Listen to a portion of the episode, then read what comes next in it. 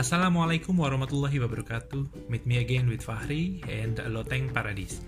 In this Across the Globe episode, I will discuss with one of my friend that I met in Bangkok, Thailand, during our attendance in one of the conference in oil and gas.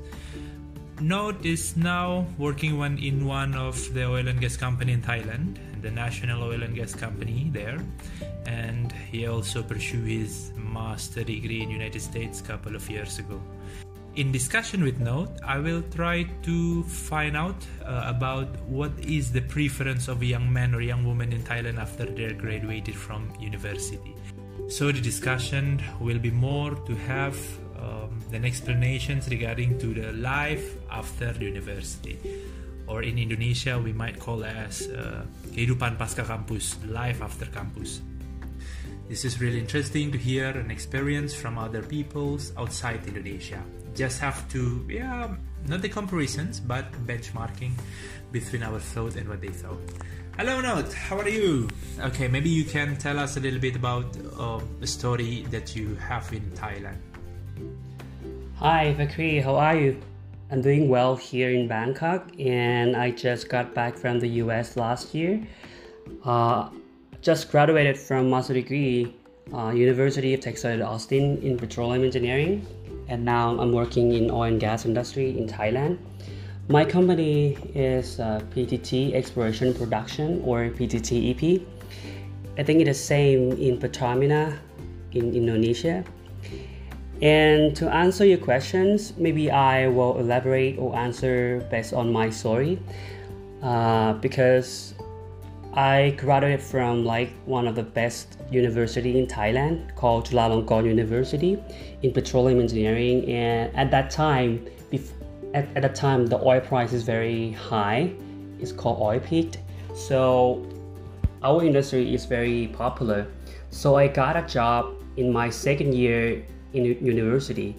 So even before i graduated i got a job guaranteed a job. So i worked in PTTEP, which is a very high competitive company. But for other people like other engineering or other uh, field or discipline, the story may be different. It will be they will find a job.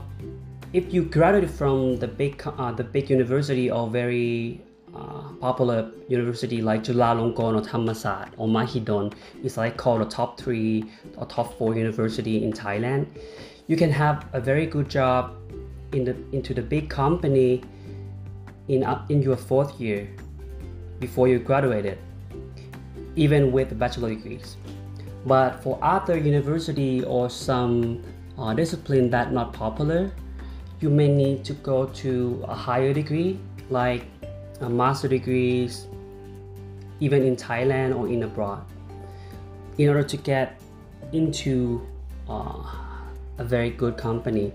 For example, like in my company in PTTEP, in other discipline uh, beside petroleum engineer, you have to graduate at least master degrees. For example, for accountant or for HR, human resources, you have to graduate uh, at least master degrees. Or you have like five years of experience in this field. So it depends on the discipline, the field of study that you are right now. So it will be maybe different case by case. Thank you very much for your explanations, but I'm really curious about what is actually the preference of young men and young women now in Thailand? Are they still focusing or are they still wondering to work in the conventional industry like oil and gas or bank or FMCG companies or know, something that's related to industrial, etc. Or they have already changed their mindset to work in the startup company, the digital company, etc because in Indonesia recently, the digital and startup is booming, and the young men and young women have their preference to work in that sectors, and uh, they start to move their preference from the conventional work to something that is more more booming recently. Yeah, for millennials indeed.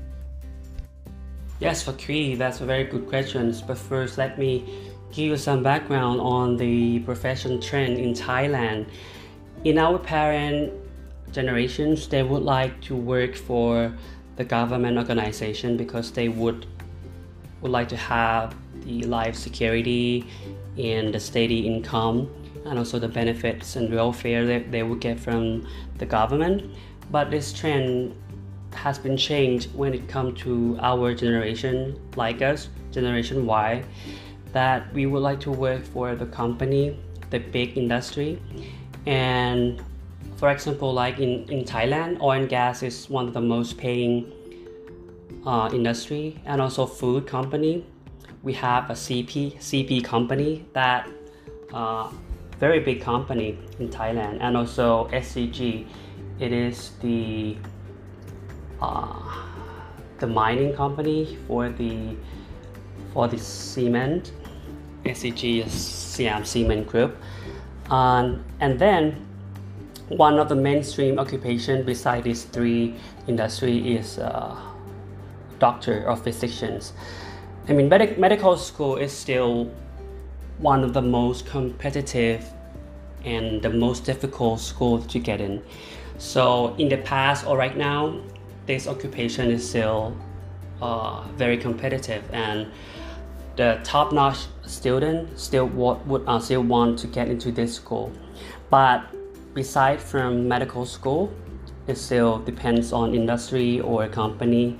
But right now, for the student that currently studying in, in the university, I observe the trend that has been changed. They they have an idea to have their own business, even startup company or their small company we call SME, right? And and you can see that we ha- also have the online platform that's a lot easier to to reach their customers or even promote their company. So I think it's I think for their idea in a student right now, they're better to study in university in order to have their own business, and less and less uh, student will will get into the company or work for others.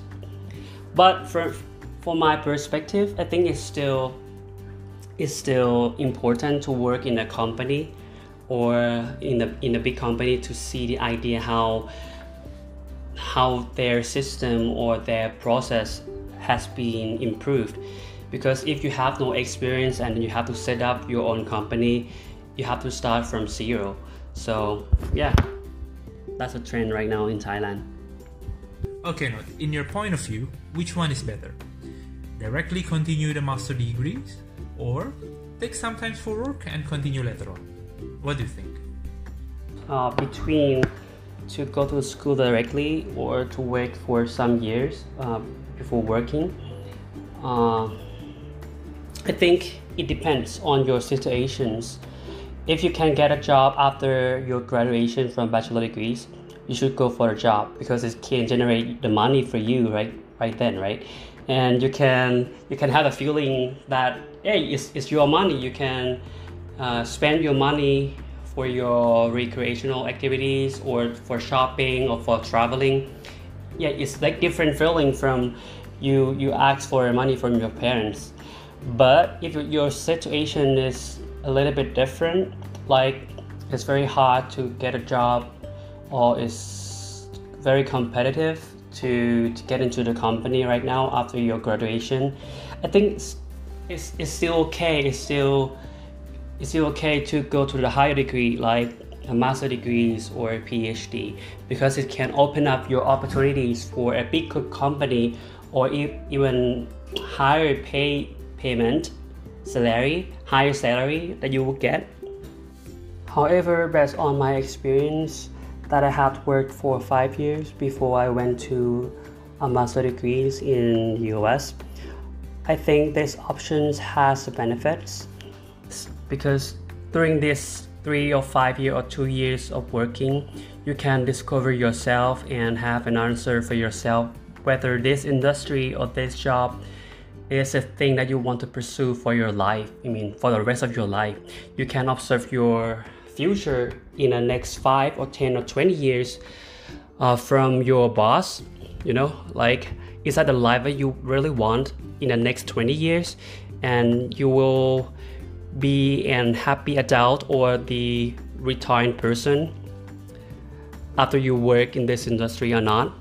So you, you can still change your occupation or even uh, make a decision whether you have to go to the deeper or more specialized area in, in your industry. So you can then decide to go to the higher degrees in master degree or PhD.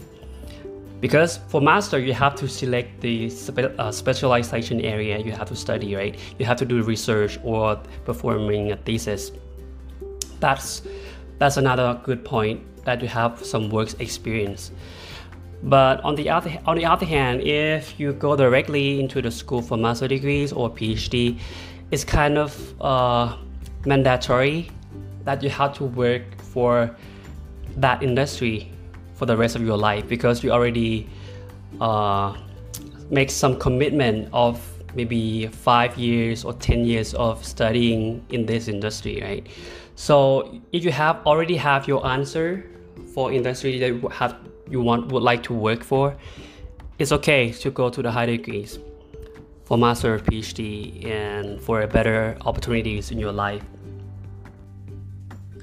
Okay, no, thank you very much for our discussions today. It will give a new insight for the listener here, and also thank you very much for all the listeners that have already spent the time to hear our discussion between me and Notes. Uh, I hope that we can give another sharing with another peoples that can give a new insight about the culture here in Indonesia and also what is the culture or preference there uh, from other countries Okay, at the end, I might say that. Wassalamualaikum warahmatullahi wabarakatuh.